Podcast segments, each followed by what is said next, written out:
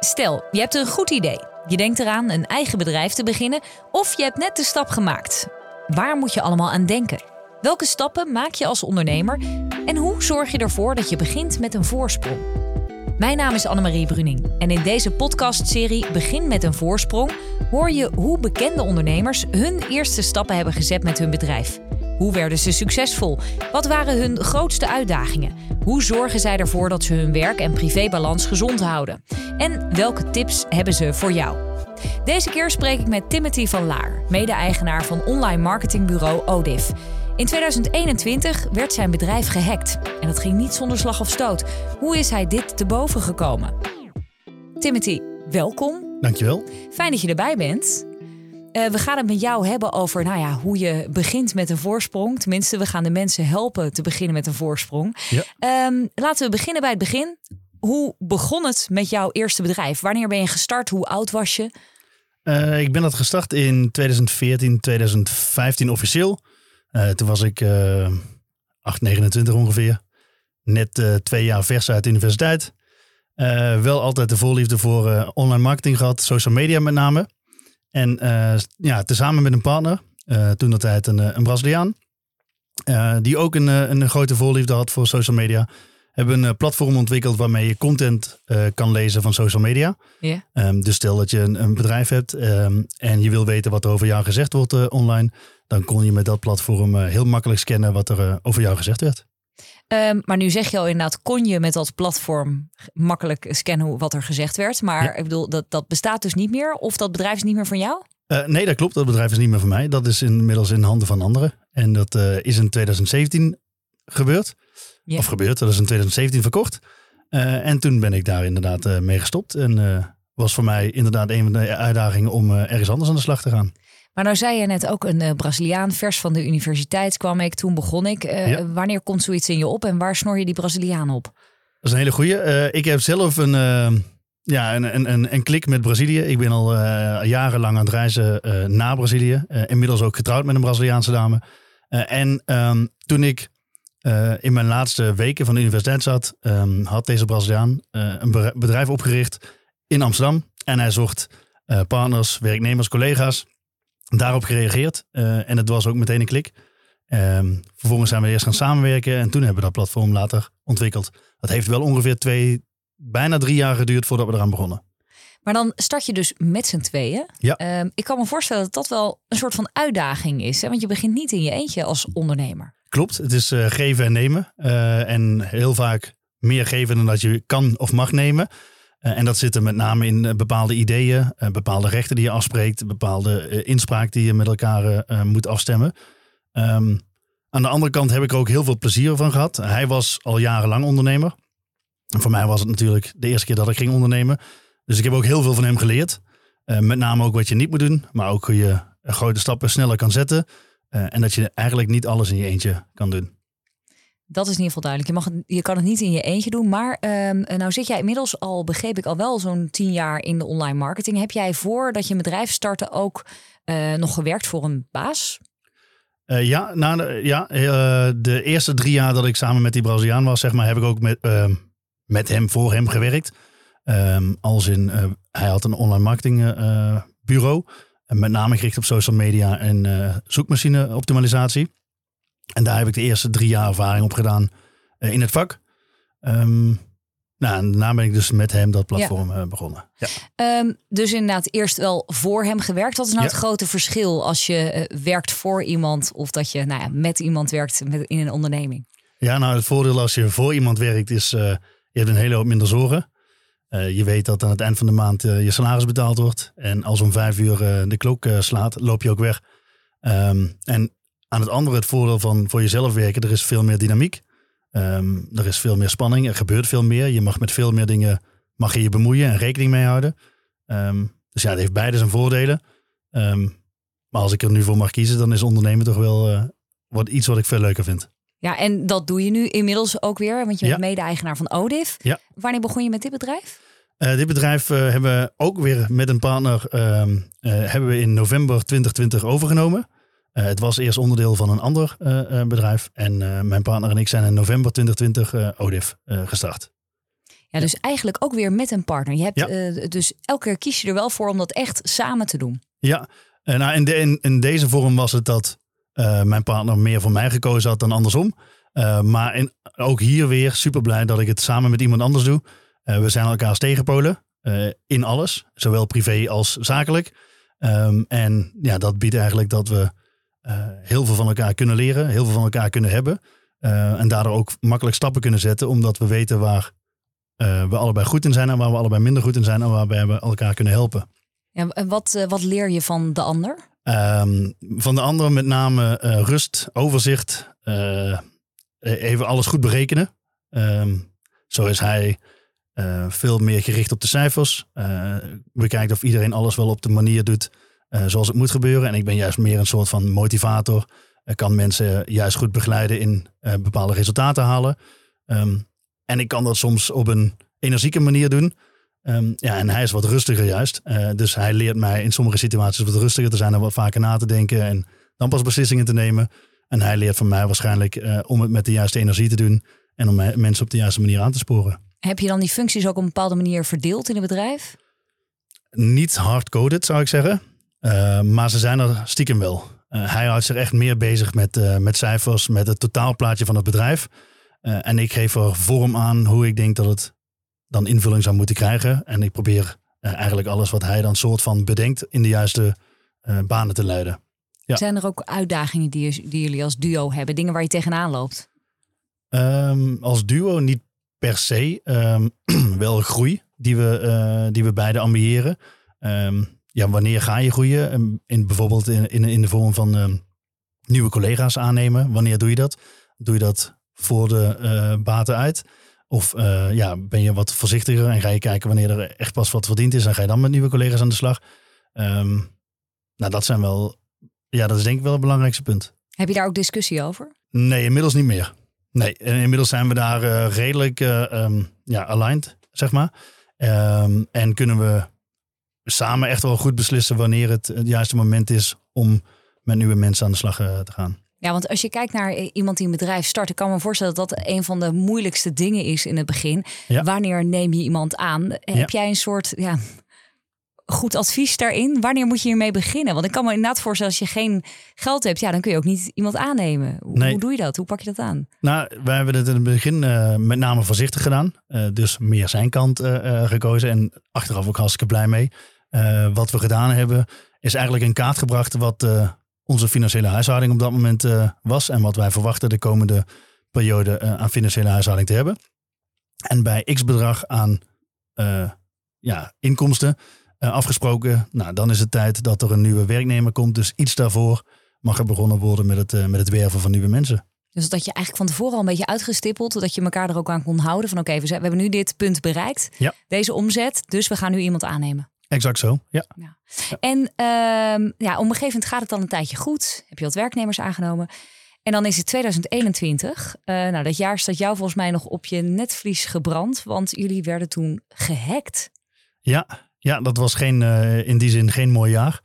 Eh, inderdaad, juli 20, eh, 2021 ehm, werd, ik, werd ik gehackt. Eh, en met de gegevens van mij werd daadwerkelijk ook het bedrijf eh gehackt. Ehm, Wanneer had je dat door? Ik zou zeggen twee uur nadat dat gebeurde. Eh, dus, ik, eh, dus ik werd in de ochtend, eh, had ik op een gegeven moment geen toegang meer tot mijn privé eh.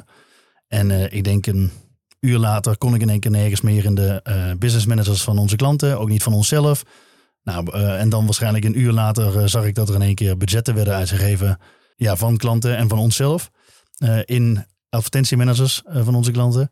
En dat was, het gebeurde allemaal in een tijdspanne van misschien twee, drie uur. Meer was het niet. Dat ging heel snel. Het ging heel snel. En het ging ook eh, om, om best veel eh, budgetten, of best hoge budgetten, best veel geld. Ehm, en, en ik denk dat nou, in de eerste drie, vier dagen ehm, waren denk ik ja, 90 klanten ongeveer gedupeerd. Jeetje. En is er een kleine 150.000 euro uitgegeven. Ehm, dus dat maakte het eh, wel redelijk spannend. Ja, ik hoor je er nu redelijk relaxed over praten. Maar ik kan me voorstellen dat je op dat moment echt denkt... wat gebeurt mij? Wat, wat gaat er door je heen op zo'n moment? Wat, en wat doe je? Nou, eh, ik kan er nu inderdaad relaxed over praten, omdat het eh, goed is, uiteindelijk goed is eh, afgesloten en, en ik eh, ehm, mensen er graag over vertel in de zin van waarschijnlijk hebben ze er iets aan als ze mijn verhaal horen. Maar toen inderdaad, wat je zegt, ik heb letterlijk slapeloze nachten gehad. Ik ben misselijk geweest. Geen idee. Er waren zoveel emoties die ik had. Van, van woede tot, tot verdriet, tot slapeloze nachten inderdaad. onmacht. Dat was misschien wel het, het, belangrijkste of het meest overkoepelende gevoel dat ik had. Um, maar wat doe je als eerst op zo'n moment? Als je, de, als je daarachter komt? Nou, nadat je van de schrik bekomen bent en je ziet dat het eigenlijk allemaal misgaat en dat het ehm, dat het ook heel snel allemaal gaat, dan probeer je eigenlijk een soort van actieplan in elkaar te zetten. En dat begon met het communiceren. Het communiceren naar onze klanten toe, het communiceren naar collega's. Van wat is er gebeurd en wat gaan we doen. Ja. en vervolgens hebben we ook nog een communicatieplan gemaakt naar iedereen. Van nou, iedere dag gaan we communiceren wat er gebeurd is, wat we die dag gedaan hebben en wat we verwachten dat er de komende tijd gaat gebeuren. Dat was eigenlijk het eerste wat we gedaan hebben, een actieplan en een communicatieplan. Maar hoe reageren klanten er, daarop? Gemengd. Uh, ik zou zeggen, 95% reageerde positief. Uh, um, maar positief in, welke zin? Als in dat we direct communiceerden wat er gebeurd was. Dat we heel open waren en transparant waren in wat er gebeurd was. Uh, dat, we kregen ook vaak de reactie, ja daar kun je niks aan doen. Dat is vervelend om te horen. Um, en de reactie eigenlijk was in die zin positief. Het enige waar ze zich vaak druk om maakten was ja, hoe gaan die budgetten ooit terugkomen? En hoe weet ik dat in het vervolg allemaal veilig gaat gebeuren? Um, ja, en dat was dan wel onderdeel van het actie- en communicatieplan. Dat we ook gewoon continu communiceerden wat er gebeurde met, um, ja, met hun data, met hun budgetten en wat er ook in het vervolg of in de toekomst zou gebeuren. Ja, dus daarin is communiceren heel belangrijk, begrijp ik. Maar goed, ja. dan, dan moet je op een gegeven moment op zoek naar een oplossing en ook denk ik, uh, ja, hoe, hoe je uiteindelijk die budgetten terugkrijgt. Of ja. ik kan me voorstellen dat een heleboel gebeurt in je hoofd op dat moment. Ja, er gebeurt ontzettend veel. En uh, van jouw beeldvorming, dit heeft ongeveer een half jaar aangehouden. Uh, want het gebeurde in juli 2021 en het echte einde was november 2021. Um, uh, dus, dus er gebeurt inderdaad van alles. En communicatie is daarin zeker van belang. En hoe ga je die budgetten terugkrijgen? Nou, dat is dus urenlang uh, um, ja, gesleept met mensen um, die verantwoordelijk waren binnen het kanaal. In dit geval was het Meta. Meta? Facebook en Instagram. Uh, het overkoepelende moederbedrijf. Dus Facebook en Instagram waren verantwoordelijk voor die hack? Hoe moet ik dat Nee, nee, nee. Daar, daar, werden de budgetten van onze klanten uh, uh, uitgegeven. Oh, die, ja, ja. ja, Dus we, we, we deden daar online marketingcampagnes voeren voor onze klanten. En daar was die, die business managers waren gehackt en daar werden de budgetten uitgegeven. Dus wij waren continu in gesprek met Meta. Um, ja, om te laten zien dat wij niet verantwoordelijk waren voor de campagnes die er gevoerd werden en de budgetten die werden uitgegeven. Um, Meta begreep dat uiteraard, want die kon zien wat voor soort advertenties er opeens gedraaid werden. Ja. Um, en was dus inderdaad wel zo netjes om uh, alle budgetten ook gewoon netjes uh, terug uh, te betalen. Dus dat is eigenlijk ja, de mazzel dan daarin, ja. denk ik. Ja. Maar um, had dit voorkomen kunnen worden? Zeker weten. Ja, zeker weten. Um, ik was nou, dus inderdaad twee jaar geleden uh, minder um, bewust bezig met uh, veiligheid rondom het, uh, rondom het bedrijf. Ik denk dat binnen, iedereen binnen het bedrijf dat niet echt had. Um, maar ik denk dat het is kunnen gebeuren doordat um, mijn gegevens gelekt zijn op een platform, een sneakerplatform. en ik gebruikte voor ieder inlog gebruikte ik dezelfde inloggegevens, namelijk hetzelfde e-mailadres en hetzelfde wachtwoord. Ja. dus op het moment dat die persoon mijn uh, privé-e-mailadres had. Uh, en dus ook de inlog met het wachtwoord. Kon die dus niet alleen in mijn privé-e-mail, maar kon die ook in alle andere uh, platformen die ik op dat moment gebruikte. Ja, je had letterlijk overal, ook bij je zakelijke mails, had je hetzelfde wachtwoord, zeg maar, als privé. Exact. Op dat moment. Ja. ja. Ja, dus eigenlijk was het een soort van, heel, ja, voor, voor de hackers een makkie om doorheen ja. te komen. Ja, wat, wat heb je daar nu uiteindelijk aan gedaan? En wat heb je ook de mensen in je bedrijf meegegeven? Want ik kan me voorstellen dat je dan meteen iedereen eh, mee wil meenemen in deze veiligheidsactie. Ja, ja nou, dat is, dat is wel inderdaad een, een, behoorlijke uh, onderneming geworden. Uh, we hebben het echt als een speerpunt binnen ons bedrijf um, gemaakt. En wat we daarin doen is dat we um, twee mensen verantwoordelijk gemaakt hebben voor de veiligheid van, van collega's en van onze klanten. Nou, en, enkele dingen die we daarin gedaan hebben. Je mag nergens meer eenzelfde wachtwoord hebben. Uh, met dezelfde inlog bij alle kanalen. Dus het liefst voor ieder kanaal dat je gebruikt een andere inlog. Het liefst wordt dat, die inlog zelfs gegenereerd door een wachtwoordbeheerder. Een password manager. En de tweede stap is overal een 2FA opzetten. Uh, en het liefst zelfs... 2FA? ja, dat is een two-factor authentication. Kun je dat nog eens uitleggen? Two-factor authentication? Voor ja, de mensen die denken, wat is dit? Zeker, nou dat is, uh, dat is een manier waarop je een extra beveiliging zet op een inlog die je doet. Dus stel ja. je hebt een e-mailadres met een wachtwoord, dan log je in En ehm, nou, dat kan bijvoorbeeld een keertje gehackt worden. Nou, wat je dan wil is een soort van tweede vorm van authenticatie dat jij dat bent. Dus dat bijvoorbeeld nog een sms naar je toegestuurd wordt of dat je een code toegezonden krijgt. Uh, die je ook nog moet invoeren om daadwerkelijk in te kunnen loggen in dat specifieke medium. Ja, en dat is dus bij eigenlijk bij alles wat jullie nu doen, waar jullie in moeten loggen, is dat allemaal doorgevoerd, zeg maar, waar het kan. Ja, dus uh, we hebben overal een, een, een we gebruiken sowieso een wachtwoordmanager. En die genereert ook super moeilijke wachtwoorden. Ja. En overal zit een 2FA op. En waar mogelijk een dubbele 2FA. Um, bijvoorbeeld bij een kanaal als Meta. Kortom, jullie werken super safe. Ik wil het nog heel even hebben over online marketing. Want dat is per, ja, per slot van rekening hetgene waar jullie natuurlijk mee bezig gehouden. Hè? Ja. Uh, um, wat voor vragen krijgen jullie voor wat betreft online marketing nou het meest? Als je kijkt naar starters. Ja, um, nou, die zijn eigenlijk uh, um, redelijk uiteenlopend. Maar vaak uh, heerst er een soort van verbazing over de mogelijkheden die online marketing uh, biedt. zij het van kwantificeerbaarheid van online marketing, tot aan de veiligheid van data, tot aan hoe ga je om met privégegevens. Um, er zijn eigenlijk verschillende, verschillende vragen die je krijgt. En uiteindelijk is bij starters vaak de vraag: hoe krijg ik mijn doelstelling vormgegeven in een online marketingcampagne?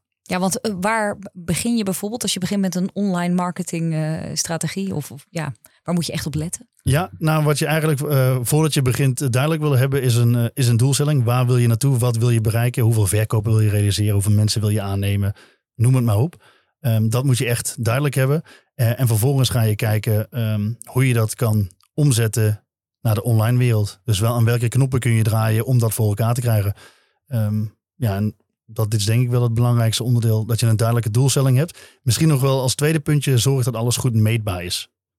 En daar bedoel ik mee, zorg ervoor dat je kanalen meetbaar zijn. Zorg dat het spreekt met je website. Dus zorg ook dat je website goed meetbaar is. En dan pas kun je aan het einde ook uh, zien of ja, de kwaliteit van de campagne resulteert in goede resultaten. Ja, werkt online marketing voor ieder bedrijf? Ja. Oh, dat is echt wel een hele duidelijke ja. Jij denkt echt dat iedereen daar baat bij heeft. Waarom? Ja, nou, dat komt omdat uh, iedereen een andere doelstelling heeft die sowieso te realiseren is met online marketing. Het zelfs van oudsher uh, nijverheidsbedrijven. Uh, daar doen we bijvoorbeeld campagnes voor om nieuwe mensen te werven. Of employer branding. überhaupt om zichtbaar te zijn en te laten zien wie ze zijn. tot e-commerce. puur om, voor, om verkopen te verzorgen. tot aan het ja, verzorgen van verzekeringen aan ZZP'ers. ik denk dat iedereen gebaat is bij online marketing. En voor een startende ondernemer, waarom is het voor een startende ondernemer juist zo belangrijk? Um, je kan op een um, redelijk gemakkelijke en kwantificeerbare manier uh, je merk, je bedrijf onder de aandacht brengen bij de juiste mensen. Um, en uiteindelijk zorgt het er ook voor dat je makkelijker gevonden wordt. En als je makkelijker gevonden wordt, kunnen mensen sneller bij je terecht. En ga je waarschijnlijk ook meer werk genereren. Kortom, als je start met ondernemen, moet je ook starten met online marketing. Ik adviseer wel om te beginnen met on online marketing, inderdaad. Ja.